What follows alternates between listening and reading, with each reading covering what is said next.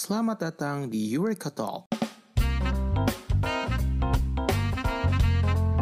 Perkenalkan, nama saya Reza Maulana, host Eureka Talk. Di podcast ini, saya akan mengobrol dengan tamu-tamu saya dari berbagai latar belakang. Enjoy the podcast and hopefully we can humbly inspire you all. Puji Prabowo adalah seorang pengajar, peneliti, Business Innovation Consultant, dan pendiri kelompok belajar Kejar Aurora. Di kelompok belajar itu, dia memberi tempat kepada anak-anak untuk mengembangkan kemampuan soft skills yang berguna untuk kehidupan sehari-hari. Hari ini, kami akan mengobrol mengenai pendidikan, inovasi, dan harapannya akan generasi yang akan datang. Selamat menyimak. Selamat datang kembali di Eureka Talk. Hari ini episode 10 saya sudah kedatangan tamu, seorang pengajar, peneliti, dan juga seorang business innovation consultant. Selamat datang Puji Prabowo. Halo Kak Puji, apa kabar? Halo ya, alhamdulillah sehat-sehat. Sehat-sehat di sana? Alhamdulillah sehat-sehat juga Kak. Thank you Kak Puji sudah meluangkan waktunya untuk hadir di Eureka Talk. Uh, it's nice to have you on the show. Uh, hari ini kita akan mengobrol beberapa hal, utamanya sih soal pendidikan, pelatihan, dan juga sebuah karya yang udah dibuat sama Kak Puji. Apa karyanya? Nanti Kak Puji jelasin. Anyway, Kak Puji, sebelum uh, kita bicara soal tema kita malam ini, uh, berdasarkan apa yang saya cari, nanti boleh dikonfirmasi. Kak Puji itu S1-nya uh, teknik, betul ya? Iya. Yeah, uh, kemudian uh, postgraduate-nya ngambil uh, MBA di ITB. Iya, betul. Oke. Okay. Nah, kemudian Kak, sejak kapan punya ketertarikan pada pelatihan atau pendidikan secara umum gitu. Apakah memang dimulai dari kampus atau bahkan mungkin waktu sekolah atau kapan kak tepatnya? Ke pendidikan ya. Hmm. Kalau pendidikan sih sebenarnya dari dulu ya dari kecil kan terpapar pendidikan ya baik formal dan informal gitu. Hmm. Jadi rasanya sih uh, senang aja ada proses di mana kita bisa dapat sesuatu yang baru. Gitu. Hmm. Nah, kalau ditanya ketertarikan dari kapan, kayaknya sih saya ngerasanya dari kecil banget ya. Oke. Okay.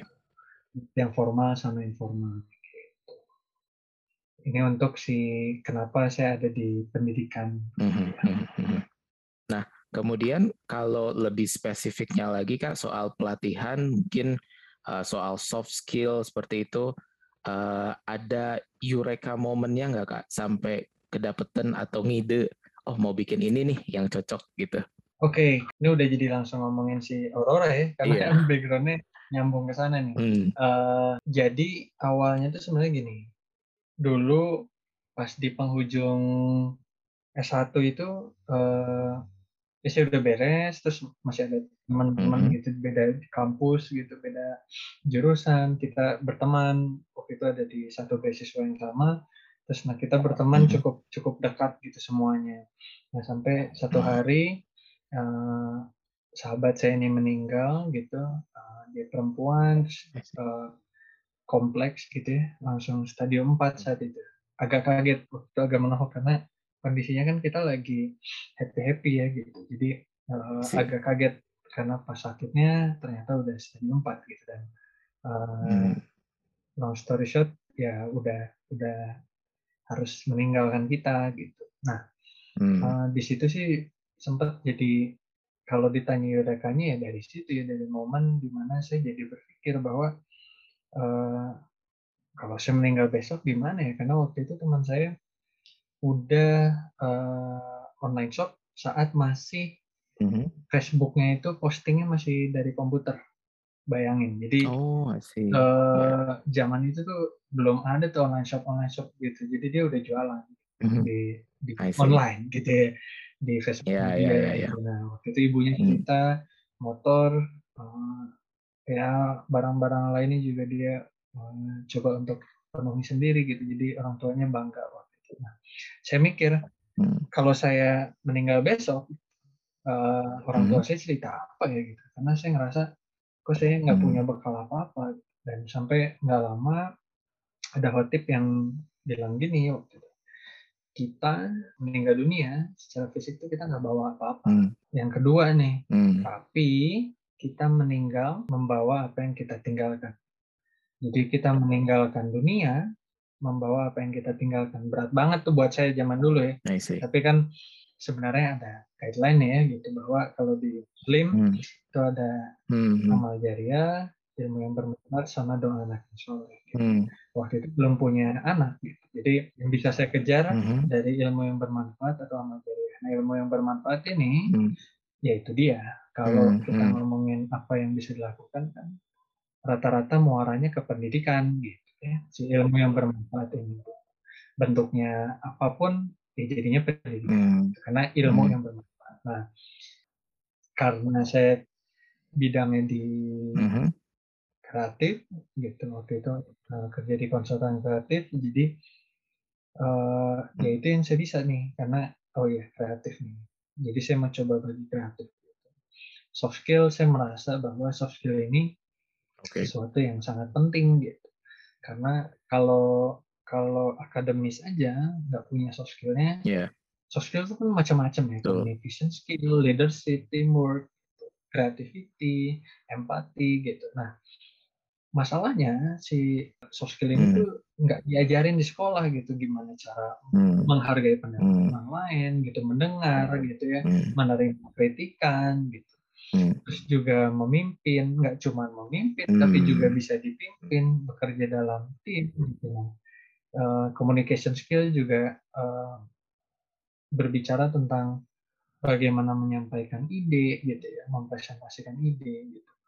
Bagaimana meyakinkan ide kita ke orang lain gitu. Nah, itu yang saya coba uh, tanamkan ke adik-adik ini gitu bahwa ada sesuatu di luar sekolah yang ini bisa membantu kita uh, di kehidupan gitu. Hmm. Jadi Kejar Aurora itu fokusnya pengembangan daya imajinasi hmm. dan soft skill anak-anak gitu. Oke. Okay. Jadi cita-citanya adalah sebetulnya living legacy dalam bentuk yang memang Kapuji kuasai dan Kapuji tertarik di dalamnya. Uh, tadi sempat disinggung sedikit namanya Kejar Aurora. Nah, bicara soal dari ide sampai kemudian bisa dieksekusi dalam bentuk kelompok belajar yang sudah berdiri sampai sekarang itu step-stepsnya gimana aja kak dan apa aja uh, obstacles uh, during the process? Oke, okay. uh, dari ide, saya nggak punya ide yang gimana sebenarnya. Mm -hmm. Tapi mungkin mungkin gini, dulu saya pernah punya mimpi. Jadi gini, waktu di sekolah itu kan kita sempat ada momen-momen di mana ditanya sama guru untuk tuliskan cita-citamu yeah, gitu ya. Uh, saya masih ingat tuh. Jadi saya bikin, saya pengen punya yayasan. Oh, Oke. Okay. Uh, saya pengen bantu hmm, anak-anak hmm, gitu. Hmm. Karena saya pernah ada di apa namanya uh, pengalaman itu. Hmm, gitu. Jadi hmm.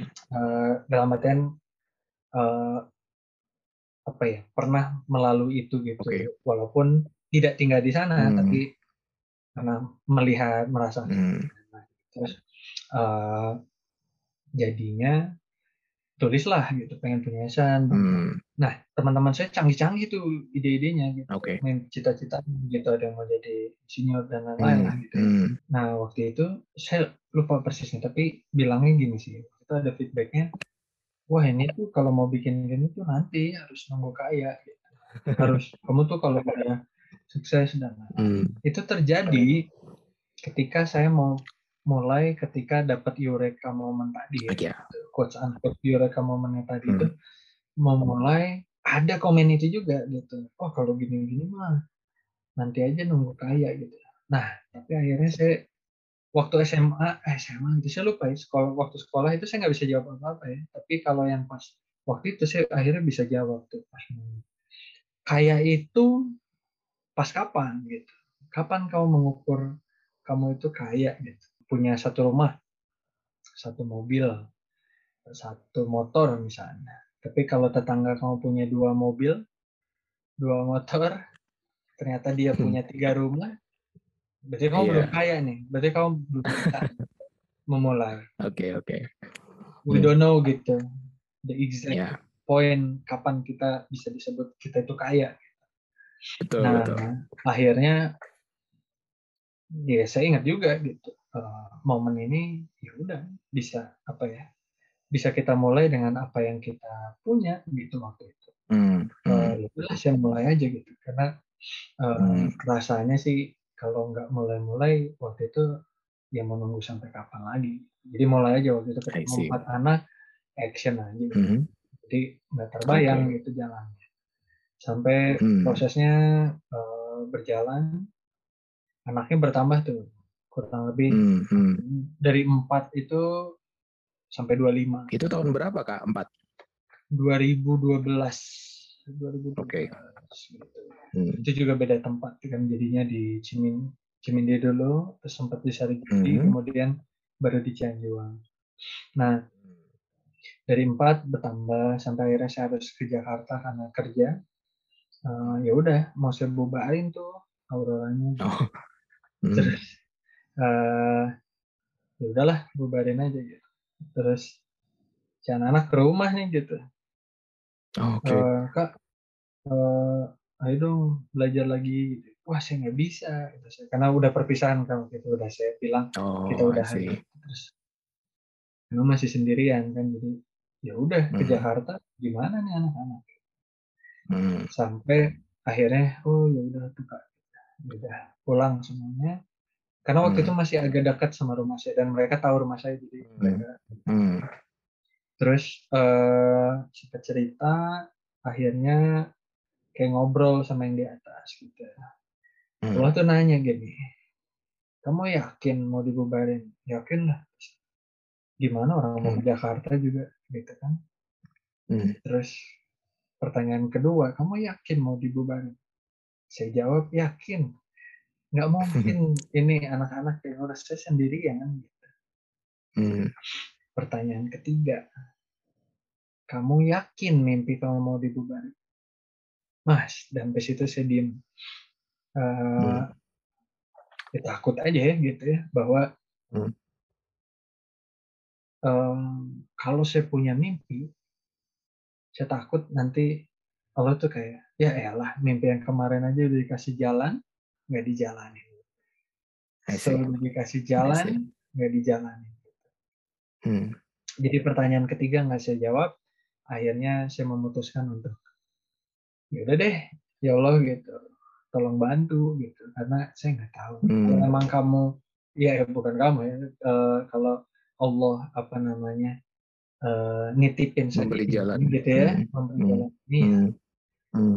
saya nggak tahu nih gimana caranya jadi tolong bantuannya gitu nah, nggak nyampe seminggu kemudian tuh saya punya sahabat tapi malah ketemunya uh, dipertemukannya sama adiknya gitu.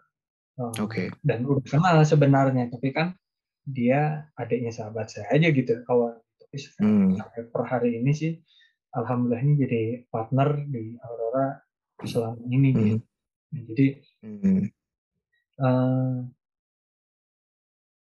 setelah doa itu yang saya rasakan adalah uh, Allah tuh memang benar-benar nitipin ini ke saya gitu ya. Jadi okay.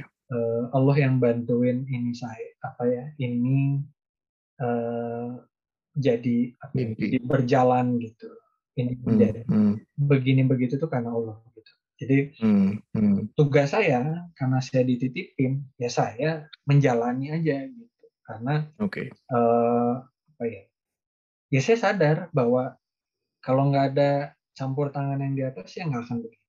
Jadi hmm. uh, dan saya juga sadar bahwa uh, sampai hari ini uh, termasuk nih ngobrol sama Ija tentang Aurora itu juga hmm ya pasti karena Allah tuh punya maksud gitu. Itu right. bagian dari yang harus diceritakan mungkin di sini gitu. Karena kan mm. bisa, kita bisa berencana gitu, tapi ya Allah selalu yang menentukan ya. Kadang kan kita punya betul, rencana apa, eh mm. nggak jodoh gitu ya gitu. Oh. ya singkat cerita ya begitulah akhirnya berkembang uh, termasuk awal-awal mm. juga nulis buku pisang self publish mm itu tuh gara-gara hmm. terinspirasi teman saya yang meninggal itu hmm. saya sering baca blog saya waktu itu jadi uh, dia hmm. sempat bilang ayo dong dibukukan gitu Jadi hmm, di compile ya. Iya, di hmm. print aja lah gitu. Waktu itu hmm, bahasanya gitu, hmm. gitu, di print aja lah biar gampang. Susah di blog gitu. Oh, ya udahlah gitu. Kepikiran waktu itu hmm. udahlah bukuin. Nah, itu pun tadinya mau emang mau di hmm. print aja gitu. Tapi see, pas anehnya tuh teman saya yang lama gitu, teman SMA tuh hmm. tiba-tiba Ji, ka mah eh gitu ya, pengen ke rumah gitu. Hmm. Oh iya, ya, yeah. gitu kan. Ke rumah, ngobrol-ngobrol-ngobrol, terus ini apaan Cina? Saya udah print tuh di rumah. Gitu. Oh ya, ya. Wah ini gitu. Emang buat apa gini gini gini gini? Kababe kurang weh nyetak nak gitu. Terus oh iya oh, gitu. Terus cincai lah channel waktu itu ya produksi mah. Mm -hmm. Terus ya udah uh, produksi aja ya kasih terus hmm. buat waktu itu uh, bikin ruang imajinasi namanya gitu. Oke. Okay. nah ruang imajinasinya bisa terjadi tadinya hmm. pun sebenarnya nggak di eh di nggak bisa terjadi sebenarnya di Cimindi hmm. tapi karena di Cimindi jadi di Cimindi itu kita dijanjikan satu ruangan nanti kita hmm. akan dibangunkan di situ sama hmm. tokoh masyarakatnya hmm. nah jadi waktu itu tuh bukunya penjualannya untuk ngebangun bangunan itu maksud saya. Jadi kita ada saham lah ya tanda kutip yeah, ada saham jadi nggak dikasih cuma-cuma gitu. Saya pengen kita hmm. juga kontribusi ternyata nggak hmm. bersaut tuh ternyata ya udah akhirnya okay. kita bikin ruang imajinasinya di Sariyadi dengan dana yang ada. Jadi nyewa hmm. terus ya itu berapa ya dua kali empat meter bayangin. Nah sampai satu hari penuh uh, anak-anaknya di situ kita di luar terus mimpinya ya ada lahan lah uh, ada satu misalnya anak-anak mau lari-lari itu bisa gitu taman lah gitu oke okay. waktu hmm. itu kan nggak bisa lari-lari gitu. dua kali empat hmm. meter bayangin gitu. kamar yeah, yeah, juga yeah. mungkin lebih gede dari itu jadi uh, akhirnya ya udah nah Allah hmm. lagi tuh yang mempertemukan gitu ada yang hmm uh, akhirnya kita ada tanah tuh di Janjuang hmm. terus berkembang lagi uh, anak-anak kan terus berkembang hmm. lagi ke orang tuanya karena kita merasa hmm. bahwa pendidikan anak itu tidak bisa dilepaskan gitu aja tanpa peran yeah, yeah. dan lingkungan hmm. karena kebetulan di sekitar Aurora itu memang waktu itu agak hitam gitu uh, ininya ya suasananya dalam artian gini uh, tawuran tiap malam minggu gitu terus hmm. Ya, ada yang narkoba berarti situasinya ya, tidak menguntungkan gitu ya kak iya gitu anak-anak terpapar hmm. mabok rokok ngelem gitu yeah. mah hmm. dari kelas 1 SD juga udah pada nyobain gitu. jadi agak berat nah waktu itu akhirnya gimana caranya ya kita bikin lingkungannya positif makanya dari dari anak-anak kita juga ke orang tua. Nah terus mm -hmm. di 2019 berkesempatan mm -hmm. karena ada tanah wakaf, kita coba bangunkan musola bareng sama teman-teman semua lah yang di Instagram. Uh, yang ngajaklah semua yang selama ini uh, apa ya punya perhatian lah sama Aurora. Hmm. Nah, jadi kita share ke mereka dan juga uh, ya alhamdulillah jadi itu musolanya itu tempat buat orang tua pada ngaji itu seminggu dua kali hmm. gitu, ngaji rutin hmm. terus ngumpul apa di sana hmm. jadi mereka hmm. juga paham kegiatan anak-anak tuh kayak gimana jadi kan kita pernah hmm. ke situ biar kondusif ya si antara orang yeah, dan yeah. jadi saling support gitu.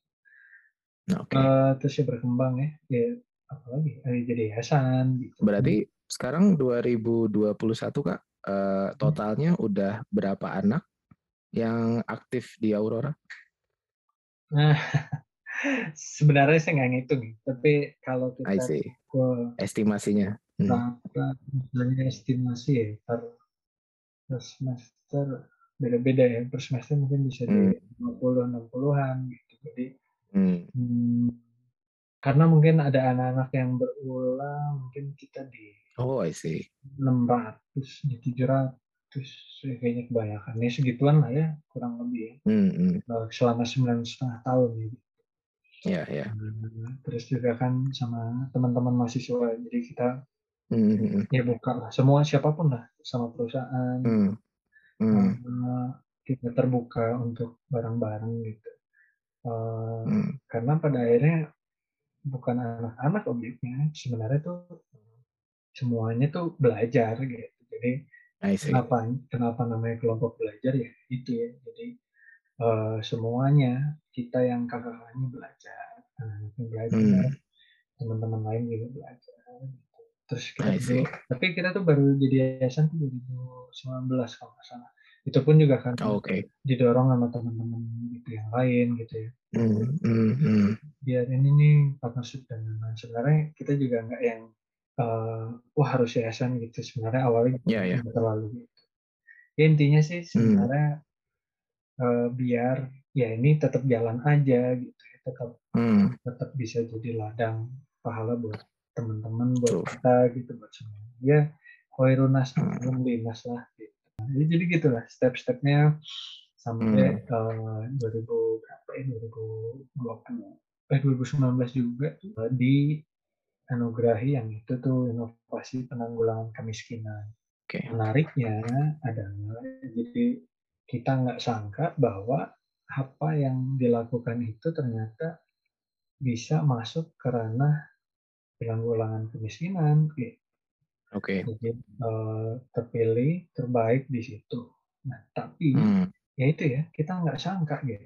Cuman kalau direfleksikan lagi ya memang itu ya kunci dari uh, penanggulangan kemiskinan adalah pendidikan gitu. Makanya kalau kita flashback lagi tuh oh iya ya gitu kan cita-cita kita itu kan memang pengen apa ya bareng-bareng gitu bertumbuh kembang. Hmm. Jadi ya itulah pengentas kemiskinannya itu bahwa salah satu yang kita lakukan kan adalah um, membuat mereka-mereka ini anak-anak ini bisa lebih siap gitu terjun ke hmm. dunia yang nyata ya gitu. Itu ternyata imajinasi 2012 ternyata hmm. di 2019 tuh bisa jadi sesuatu yang nggak pernah dibayangkan. Nah, kalau bicara Aurora, kelompok belajar hmm. Aurora hmm. itu kan cahaya itu ya. cahaya itu kan adanya malam ya si aurora yeah. bergeraknya indah warna-warni nah hmm. filosofinya sih sebenarnya apa pun ya meskipun backgroundnya hitam gitu ya, meskipun hmm. backgroundnya gelap tetap bisa hmm. bercahaya indah Iya, siap. Oke, okay. menarik Kak Puji uh, penjelasannya. Nah, uh, poin yang ingin saya dalemin lebih jauh so far uh, kejar Aurora kan udah sembilan setengah tahun seperti Kak Puji jelasin tadi. 2020 kemudian ada pandemi, semua hal berubah gitu. Saya uh, asumsikan juga mungkin perlu ada adjustment di uh, kejar Aurora dengan semua kegiatan-kegiatan yang sudah dilaksanakan sebelumnya. Nah, pertanyaannya adaptasi apa aja Kak yang dilakukan sama kejar Aurora supaya tetap sustain di kondisi yang ya kayak sekarang ini. Iya, jadi pas 2020 tuh kita ada TK kan, terus uh, salah satunya ya akhirnya online ya gitu sampai berakhir hmm. dan tahun pertengahan 2020 ya kita mulai yang anak-anak yang lain uh, apa istilahnya online juga gitu awalnya. Oke. Okay. Kita lihat situasi dan kondisi ya udah kita bagikan paket belajar nih jadi ada hmm. ada tim yang gantian ke sana gitu setiap minggu untuk kasih hmm. apa ya tugas lah gitu buat anak-anak gitu oke okay. nah, jadi sistemnya gitu ya sampai sampai sekarang sih masih gitu nah terus sempat kayak hmm. ngasih kesempatan teman-teman juga untuk ngasih apa ya ilmunya lah gitu jadi kita kan hmm. kan untuk ngajar dari rumah gitu. Jadi kita, hmm. kita tanya kebutuhan anak-anak yang bingungnya apa, terus kita coba hmm. teman-teman yang lain untuk bisa berbagi. Hmm. Uh, misalnya topik uh, anatomi tubuh misalnya gitu ya, anatomi hmm. tubuhan hmm. misalnya gitu. Terus uh, terus mereka ajarin, terus nanti kita kasih juga ke anak-anak. Adaptasinya paling itu ya, koordinasi sama orang tua, Hmm. sama warga gitu gitu sama hmm. RT gitu terus hmm. itu ya uh, yang yang kita lakukan gitu jadi tetap komunikasi gitu nggak nggak los banget tapi tetap tetap update lah gitu tapi yang paling penting anak-anak tetap ada excitement untuk belajar gitu ya nyari nyari hmm. tahu untuk hal-hal baru gitu. I see. Nah, Kak, uh, bicara soal tadi adaptasi uh, dengan kondisi yang tidak menentu ya sekarang, kita kan juga nggak pernah tahu apakah pandemi ini ya harapannya cepat selesai, tapi kan we never really know for sure kapan akan berhenti gitu kak. Nah, uh, kira-kira dari kondisi sekarang, menurut Kak Puji di kejar Aurora sendiri masih ada nggak potensi-potensi yang bisa digali mungkin dalam bentuk kegiatan atau mungkin dalam yang masih bentuknya ide yang kayaknya bakal cocok nih ke depannya dengan kondisi sekarang gitu Kak. Pertama orang tua udah minta untuk belajar lagi gitu. Okay. Anak-anak juga gitu. Hmm. Tapi pertimbangan kalau dari saya pribadi itu saya merasanya bahwa belum aman gitu. Oke. Okay. Terus kalau potensi apa yang bisa dilakukan sih sebenarnya banyak banget ya gitu. Mm -hmm. uh, virtual experience-nya ini tuh masih bisa di, explore ya. Oh, I see. Ya, yeah, ya. Yeah. Hmm. Nah, the problem is gitu uh, perangkatnya nih. Gitu. Yeah. Gitu. Kan tidak semua gitu memiliki ya di sana gitu. Terus, mm. uh, jadi kadang uh, satu dua lah gitu hmm. dipakai juga barengan gitu hmm. nah, itu juga kan kita mau hindari biar nggak terlalu banyak juga ya gitu yeah, yeah, yeah, jadi yeah. mereka cuma berdua hmm. nah kalau yang dilakukan tuh kayak kemarin tuh ya online class juga ya ada yang hmm. kayak kita coba touring space gitu ya uh, hmm. space traveler lah gitu hmm. uh, apalagi ya kalau ke depan tuh ya banyak ya. Hmm. jadi kalau ditanya obstacle ya itu ya. Kalau sekarang kerasanya uh, perangkatnya ya ya ya. Kan kita nggak bisa penuhi semua betul gitu, betul kita nggak bisa menuntut semuanya hmm. Hmm. obstacle itu karena kalau obstacle zaman dulu sih apa ya kita ngerasanya uh, tantangan aja sih, nggak okay. yang jadi hambatan. Gitu. Okay. Kalau ini malah jadi jadi hambatan, jadi yeah, tantangan okay. juga. Hmm. Nah, kalau mau dikembangin itu ya virtual hmm. experience tuh masih bisa dieksplor banyak banget. I see. Oke, okay. uh, kita udah ngobrol cukup uh, lengkap nih kak soal Aurora. Nah, sekarang karena uh, tadi Kak Puji di awal sebutin bahwa Aurora itu atau kejar Aurora itu menitik beratkan pada imajinasi dan soft skill, kemudian intinya hal-hal yang tidak dipelajari secara formal di sekolah gitu kak. Nah sebetulnya kalau misalkan ditarik lebih general kak, lebih umum, sebetulnya apa aja sih soft skills yang memang perlu dimiliki oleh let's say anak usia remaja SMP sampai anak mahasiswa? Oke, so, uh, mungkin paling gampangnya sih sebenarnya buat teman-teman yang pengen tahu nih kira-kira soft skill apa yang paling happening hmm. atau dibutuhkan ya hmm. in the future adalah coba cek aja World Economic Forum itu hmm. top skill gitu. Ya, kurang lebih sih ada complex problem solving, hmm. creative thinking gitu ya, collaboration, gitu, analytical thinking, kan hal-hal yang kayak gitu. Hmm.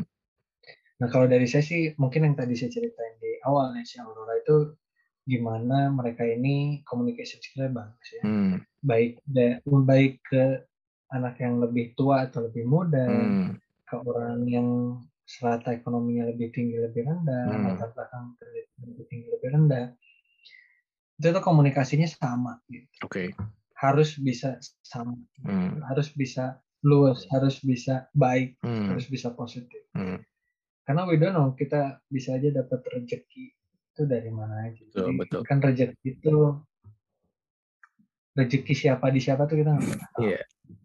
Jadi bahkan anak-anak itu aja sudah harus berlatih berkomunikasi kan. Mereka ke warung jajan. Kan pasti bukan teman sebayanya yang yang, yang jagain iya kan, betul gitu. betul. ibu gitu atau bapak-bapak. Saya mereka ngobrol di apa gimana dan lain. Itu communication skill penting. Creative thinking penting. Hmm. creative thinking menerima ini ya. Nggak cuman menjadi berbeda tapi dalam artian kreatif ini tuh berani untuk mencari solusi-solusi baru. Hmm. Hmm. Terus problem solving ya, hmm. gimana mengurai hmm, permasalahan gitu, mencari solusinya. Gitu. Hmm. Nah itu yang di, dilatih ke anak-anak. Jadi kita ada kurikulumnya tuh tadi okay. Kurikulum ini uh, eh, sempat kita bukukan juga. -hmm. Jadi guide -hmm. untuk uh, kegiatannya anak-anak. Oke. Okay. kita tanya nih sama CEO CEO, kita tanya sama inovator-inovator, sama entrepreneur, kita kumpulin nilai-nilai apa sih yang bikin kamu tuh ada di titik ini. Hmm. Ini keluarnya ya hal-hal seperti itu ya daya juang, empathy, teamwork, leadership gitu, berjejaring, communication skill gitu, hal-hal yang seperti itu ternyata hmm. bukan uh, oh ya kamu harus punya IP segini nih hmm. enggak hmm. atau kamu harus punya raportnya nilainya segini segini enggak hmm. tapi hal seperti itu ya gimana kamu bisa uh, mendengar hmm. pendapat orang lain hmm. itu kamu bisa menghargainya hmm. kamu bisa mengungkapkan pendapat kamu tanpa tanpa baper atau tanpa takut yeah. tanpa uh, ya memaksakan hmm. gitu nah, jadi soft skill soft skill yang seperti itu ya, berempati hmm. kita bisa memposisikan diri uh, di sepatu orang lain hmm. kita melihat seperti itu sudut pandang orang lain hmm. helikopter view I gitu ya di, terus makro mikro lah ya hmm. viewnya gitu jadi empati lebih dalam di situ terus hmm. uh, leadership dan teamwork ini penting banget oke okay. Itu juga kadang kita tuh wah kita harus jadi pemimpin dan mereka lupa gitu untuk bisa juga jadi anggota tim yang baik gitu, hmm. bisa berkontribusi yeah that's a very... dalam sebuah tim hmm. uh, karena merasanya bahwa pemimpin itu baik padahal menjadi anggota tim juga tetap baik karena hmm. harus berkontribusi kan hmm. sama hmm. nah uh, apa ya nah itu dia biar anak-anak ini juga siap jadi kita hmm.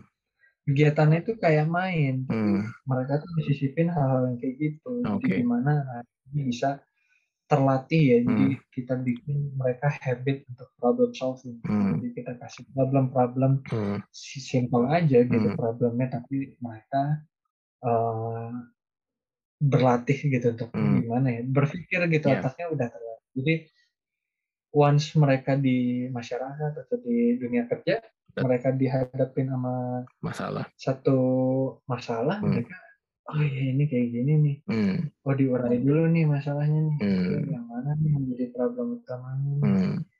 uh, prioritizingnya gimana nih hmm. jadi uh, hal-hal itu ya kalau hmm. ditanya yang belum dimiliki ya rasanya itu tadi ya hmm Uh, menarik tadi soal penjelasan bahwa soft skill itu perlu dilihat dari berbagai uh, sudut ya atau berbagai uh, ukuran mikro atau makro. Namun pada akhirnya juga pendidikan kalau dilihat secara umum itu kan harus uh, is mungkin idealnya menggabungkan antara hard skills-nya ya pelajarannya gitu, subjects-nya dengan soft skill-nya. Nah, Kapuji sendiri sekarang kira-kira uh, ada ide nggak inovasi apa yang tepat uh, supaya bisa jadi terobosan buat generasi ke depan, generasi pandemi ini yang mungkin somehow menggabungkan antara hard skill dengan soft skill itu, Kak. Mungkin dari idenya sampai ke mungkin praktikalnya kayak apa kira-kira? Uh, yang menarik adalah zaman sekarang itu anak-anak udah bisa mendapat informasi jauh berkali-kali lipat tuh dari zaman pendahulunya gitu termasuk zaman saya hmm. yang zaman transisi ya sekarang kan udah fully digital nih. Yeah. Nah, eh, sebenarnya kuncinya mereka tuh senangnya di mana gitu. Um, Oke. Okay. Terus ya udah tekunin aja dan bersosialisasi ya berjejaring dengan orang banyak kenalan ngobrol dan lain-lain nggak usah insecure nggak usah musuh-musuhin hmm. orang fokus hmm. aja nggak usah ngomongin kejelekan orang gitu fokus aja hmm. nggak usah nggak usah banyak ngomong hal-hal yang nggak penting gitu mending ngomong okay. gitu jadi hmm. kalau inovasinya apa menurut saya sekarang udah banyak ya kayak yang seneng hmm. Seneng apa udah bisa gitu ya bahkan yang kayak seneng musik gitu mereka hmm. rekam suaranya bagus masuk YouTube atau TikTok atau Instagram mereka bisa dapat dengarnya langsung gitu kalau zaman dulu okay. Okay. mereka harus produksi dulu sewa studio mahal ya yeah. mereka harus hmm. uh, rekaman gitu terus mereka yeah. harus produksi terus mereka harus hmm, panjang prosesnya ya panjang hmm. ke radio dan lain hmm. Hmm. belum tentu diterima sama radionya kan betul uh, karena siapa nih gitu label sendiri gitu hmm. nah kalau sekarang ya udah nemu marketnya aja sendiri posting nemu yeah. marketnya aja sendiri jadi hmm. kalau kalau uh, ditanya inovasi apa yang paling ini ya bikin karya sih. Oke. Okay. Nanam karya gitu. Kayak nanam hmm. apa ya padi gitu. Nanam aja satu hmm. demi satu gitu ya. Uh, hmm. Orang kan kalau yang nggak nanamnya nggak ikut nanam, wah kotor atau papanasan nanam-nanam gitu. Ya. Nanam padi. Gitu. Ya tapi kita tahu ya itu untuk kita karena suatu hari hmm. yang ngerasain panen ini kita sendiri dan juga kita bisa hmm. berbagi. Jadi hmm. selagi masih positif maju aja. Jadi kalau menurut saya secara teknologi sudah inovatif ya. Jadi hmm. sudah bisa mengakomodir kemampuan teman-teman ya atau anak-anak sekarang itu untuk bisa berkarya ya gitu. Jadi menurut okay. menurut saya sih sebenarnya lebih kepada berkarya aja gitu. Dengan berkarya itu kita okay. menemukan diri, kita menemukan hmm. hal-hal hmm. yang kita banget gitu ya. Hmm. Nah, kalau ditanya ditanya mungkin ya tadi ya Eja tanya inovasi apa yang praktikalnya ya itu ya gimana di dunia yang sekarang ini kita punya hmm. specialty kita punya hmm. karakter yang kuat gitu jadi oke okay kalau kalau kita ngomongin yang Eja bilang tadi hard skill dan soft skill, hmm. Ya itu dia. Dengan penggabungan kedua itu, uh, itu yang akan jadikan karakter ya. Gitu. Nah, okay. uh, eh,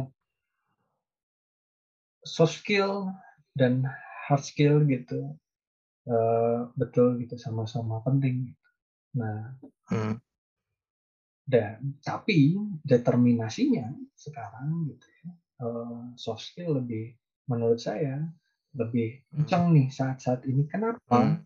Karena hard skill bisa menggantikan hard skill yang dimiliki. Hard skillnya teknologi bisa menggantikan hard skillnya manusia sekarang gitu. Oh, iya, Jadi iya, Uh, banyak berganti lah gitu. Mungkin aja juga ngerasain hmm. waktu di luar negeri kita udah merasakan hmm. perubahan-perubahan uh, oh udah ada ya toko yang nggak ada kasirnya gitu ya. Terus iya udah self service gitu. itu hard skill loh kamu secepat-cepatnya nge-scan barcode ya udah diganti nama hmm. Emang jadi kasir ya oh cepet gitu iya. gitu. diganti tuh sekarang sama iya. mesin gitu. Hmm. nah sekarang berarti sebenarnya adalah ini sebenarnya bobotnya aja lagi naik tapi sebenarnya sama-sama okay. hmm.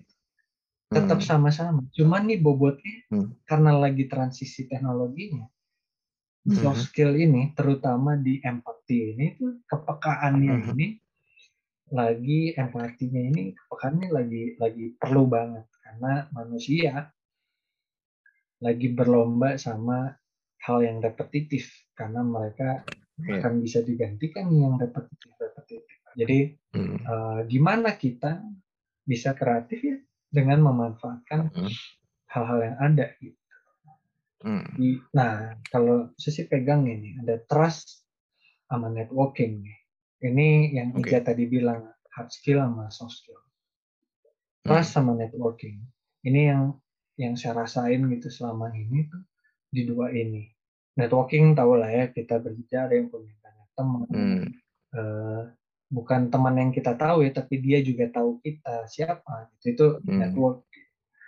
Terus trust ini kita bisa trust sama orang kalau saya lihat tuh ada tiga ada skillnya hmm. ada knowledge-nya sama attitude-nya Oke. Okay. Eja, pasti bisa nyebutin kalau saya minta nama teman Eja yang bisa ngegambar buat project saya misalnya Eja akan bisa nyaranin hmm. satu nama. Segini yeah. nih gitu. Karena out of mind gitu ya. Iya, karena skillnya nah. gambarnya gokil nih gitu.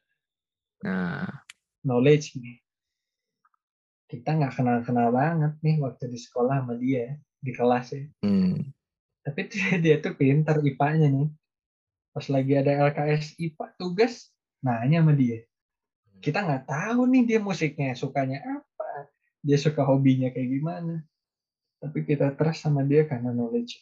Nah yang hmm. ketiga, hmm. Yeah. orang trust sama attitude-nya, jujur, integritas.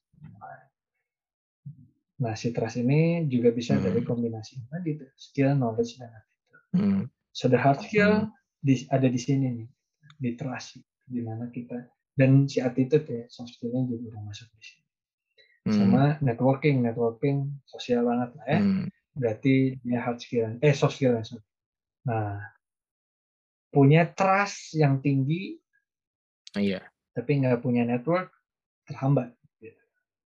Terusnya punya network yang banyak tapi they don't trust you. Iya. Ya udah oh, gitu. jadi mau lagi ya jadi masing-masing pengali nih bad gitu jadi kayak kayak kamu mau datang ke reuni yeah. ternyata kamu tuh nggak diharapkan di sana gitu sebenarnya. Yeah, yeah, yeah. datang lagi gitu kan nggak datang lagi nih nah kan pilihannya kita mau jadi uh, orang hmm, yang pas hmm. datang itu bisa ngobrol hai atau dihindari gitu ya malah jadi yang ini ya gitu backfire gitu pas datang wah kita jadi Iya, iya, uh, sumber ini gitu buat kitanya juga jadi sumber sumber masalah gitu. Dan buat hmm. mereka juga ya gitu jadi toxic gitu hmm. kan. Uh, gitu ya. Kalau hmm. saya ngerasa itu ya, dia hard skill soft skill penting. Cuman sekarang kayaknya bobotnya lagi mm-hmm. lagi banyak di soft skill. Bukan karena saya concern di soft skill tapi yang saya rasain adalah gini. Uh, pertama kita makhluk sosial. Gitu sih. Uh, adjustment oh, kehidupan tuh kan kita rasain sekarang aja ya gitu. Dengan pandemi dengan pandemi ini mau nggak mau tuh uh, manusia tuh akhirnya jadi yeah uh, adaptasi ya sama teknologi. Ternyata si hmm. hard skill tadi terpaksa gitu ya muncul iya, dengan iya, oh zooming ke mana gitu ya. hmm. Gimana hmm. ya kalau zoomnya mati gimana nih ini gini gitu ya. Jadi, hmm. Semua tuh jadi jadi berubah gitu. Hmm. Terus nah yang paling penting adalah gitu semua merasakan bahwa Hmm. Capek ya ngomong di digital terus. Iya betul. betul. Ternyata meeting seharian tuh capek. Gitu. Perlu ketemu orang. Nah ketika uh, hmm. ketika bersosialisasi ternyata lebih baik. Hmm. Dan sosial ini hmm. ya kerasa gitu ya di perjalanan. Hmm. Ya gimana keluasan kita bernegosiasi gitu ya. Uh, hmm. Ya ber kolaborasi, berkontribusi hmm. gitu di masyarakat gitu. Jangan jangan pikir yang gede-gede gitu, tapi di lingkungan sekitar kita aja gitu ya. Uh, how hmm. do you support yeah, yeah. your environment ya dengan nggak keluar rumah misalnya saat itu. That's yeah. skill gitu. Kamu punya penting ya, kamu punya yeah. punya mm -hmm. rasa being part of a team nggak dalam lingkungan tersebut untuk bisa appreciate bahwa once kamu nggak pakai masker itu ternyata membahayakan orang lain gitu. Oke, okay. alright, menarik banget Pak Puji.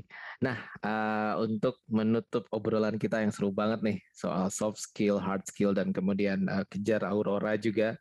Ini saya selalu tanyain ke setiap tamu saya, uh, karena sebenarnya podcast ini tuh pada akhirnya memang sebetulnya awalnya untuk saya sih. Saya pengen belajar dari banyak orang dengan background-background berbeda. Saya pengen tahu orang-orang yang saya uh, undang ini saya pandang sebagai orang-orang sukses dan saya yakin untuk menuju ke sana pasti ada hal-hal yang dilakukan berulang-ulang, some kind like habits gitu. Nah, Kak Puji bisa share gak kira-kira small habits apa yang Kak Puji sudah lakukan? Terus belajar, terus belajar itu karena hmm. kita tuh nggak bisa ada di tahapan pinter, gitu. masih akan terus bodoh aja sebenarnya, masih kurang aja di setiap tahapan. Hmm.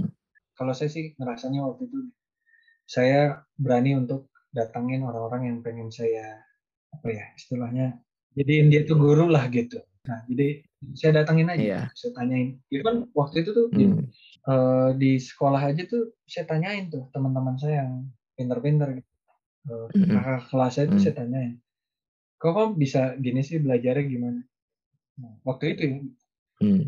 Nah itu yang yang saya rasain gitu saya belajar dari banyak orang gitu jadi itu aja ya, hmm. untuk membuka pandangan kita bahwa ya untuk menjaga diri kita juga lah bahwa kita tuh nggak nggak di atas hmm. nggak di bawah itu memang hmm. semuanya itu sama-sama hmm. ya uh, yang saya ingat sih waktu kecil tuh uh, saya tuh udah jadi panitia kurban di hmm. rumah oh I see. waktu kecil tuh hmm.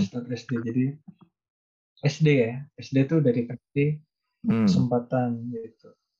Waktu itu ya jaga cuci cuci jeroan uh, wah itu liatin kotoran uh, hewan tuh. Hmm. waktu itu tuh wah gitu ya. Tapi saya ngerasa apa ya waktu itu ketika dipercaya oh ya bertanggung jawab. Dan hmm. akhirnya saya belajar saat itu. Waktu itu masih SD saya nggak terlalu ngerti. Jadi rapat-rapat hmm. oh iya gitu ya saya dengerin aja nih bapak-bapak nih hmm. uh, bahas apa gitu ya masih dengerin ternyata ya itu ya sampai besar gitu masa bahwa hmm. oh ya pengalaman itu uh, bisa ini ya gitu bisa jadi lesson learn yang baik gitu waktu itu tuh belajar dari mereka mereka terus akhirnya juga saya datang datangin orang-orang yang memang saya pengen belajar. Jadi ya terus belajar hmm. aja ditanyain lah gitu selalu jangan sungkan hmm. untuk bertanya hmm. Uh, terus uh, selalu itu tadi ya nanam aja nanam aja apa pun itu ya. hmm. ya karya hmm. ya kebaikan hmm. gitu jangan nunda-nunda gitu kalau hmm. udah ada niat baik aja hmm. kalau menurut saya kalau niat baik mah ya. jadi uh, cepat yeah, mungkin betul, betul. karena that's the moment hmm. yang mungkin bisa jadi last moment itu itu yang saya selalu uh, pegang tuh hmm. ya itu ya sebisa mungkin kalau sama orang tua perpisahan yang baik gitu. jadi misalnya kita pulang gitu kalau nggak tinggal bareng ya perpisahan yang baik sama temen perpisahan yang hmm. baik gitu. pertemuan-pertemuan hmm. itu gitu. uh, kalau di kelompok gimana perpisahan yang baik ya berkontribusi dengan baik jadi selalu meninggalkan jejak yang baik karena kita nggak pernah tahu mungkin hmm. mungkin itu last stepnya atau last chance-nya buat kita untuk hmm. ngasih yang terbaik jadi hmm. uh, itu yang saya rasain dan saya percaya mimpi itu adalah doa gitu karena hmm. uh, itu kan suatu yang abstrak ya jadi mimpi itu hmm adalah bentuk kepercayaan kita sama Allah Subhanahu wa taala bahwa kekuatannya hmm. ya bisa memindahkan dari satu titik ke titik yang lain yang kita rasanya yeah. nggak mampu dan saya ngerasain banget bahwa dengan bermimpi yang artinya kita men apa ya mendoa gitu berdoa sama mm -hmm. sama hmm, Allah mm -hmm. tuh meyakini bahwa ya Allah Allah bisa nih bantu saya dari titik A ke titik B yang kalau secara Masih. manusia pasti hitungannya ABC tapi ternyata kalkulator Allah mah lebih beda gitu jadi itu tadi terus belajar yeah. hmm. uh, terus apa ya uh, belajar belajar dari orang-orang yang memang kita apa ya kita pandang itu hmm. bidang kita dan mereka memang di yeah. sana jangan sungkan bertanya hmm. start small nanam hmm. nanam nanam hmm. kebaikan nanam karya percaya deh kebaikan mah jangan diharapin dari si orang yang kita baiki jadi jangan hmm. uh, apa ya istilahnya teh pamrih gitu ya pamrih gitu ya karena oh nanti sih hmm. enggak kita mah percaya aja kan di Quran juga sebutinnya hmm. Dibalas 10 atau 700 gitu. jadi oh ya jadi akan selalu akan selalu ada uh, yang membalasnya gitu. jadi Allah yang akan balas tenang aja pokoknya mah tugas hmm. kita mah kenapa hmm. gini dengan kita hmm. melakukan kebaikan kan itu untuk kita gitu. jadi uh, hmm. ya itu ya terus juga yang pasti sih membersamai mimpi-mimpi itu dengan hmm. uh, kekuatannya ya kekuatan Allah Subhanahu Yeah. Jadi biar biar lebih tenang dan juga nggak yang kayak hmm. wah si ini mah udah gini gini gini gitu ya dalam hal hmm. apa pun. Ya. Overthinking jadi oh, ya. Wah si ini mah hebat gini gini gini gitu ya atau insecure gitu wah si ini mah oh iya ini mah yeah, ini mah iya. udah bisa gini karena gini. Nah, daripada mikirin yeah. gitu mending kita aja kan. Hmm. Kurang lebih sih gitu. Okay. Okay, Kak Puji, thank you very much. Uh, it was a very nice talk, um, very inspiring indeed. Uh, makasih banyak Kak Puji. Uh, kalau mau mungkin saya uh, simpulkan apa yang Kak Puji sampaikan dari awal sampai akhir tadi itu mirip-mirip sama semboyan sekolah saya Kak, waktu SMP. Itu belajar, berkarya, berprestasi. Jadi uh, itu kayaknya tiga hal yang tadi Kak Puji uh, ulang-ulang dan uh, saya pikir itu juga hal yang sangat positif dan memang sangat bisa dilakukan ya, very doable things. Sekali lagi terima kasih Kak Puji atas waktunya, atas inspirasinya. Semoga sehat-sehat terus Kak Puji keluarga dan sukses-sukses terus dan semoga ketika pandeminya sudah mereda, insya Allah bisa ketemu langsung ya Kak Puji. Siap, siap, siap. Oke, siap Kak Puji. Assalamualaikum. Waalaikumsalam warahmatullahi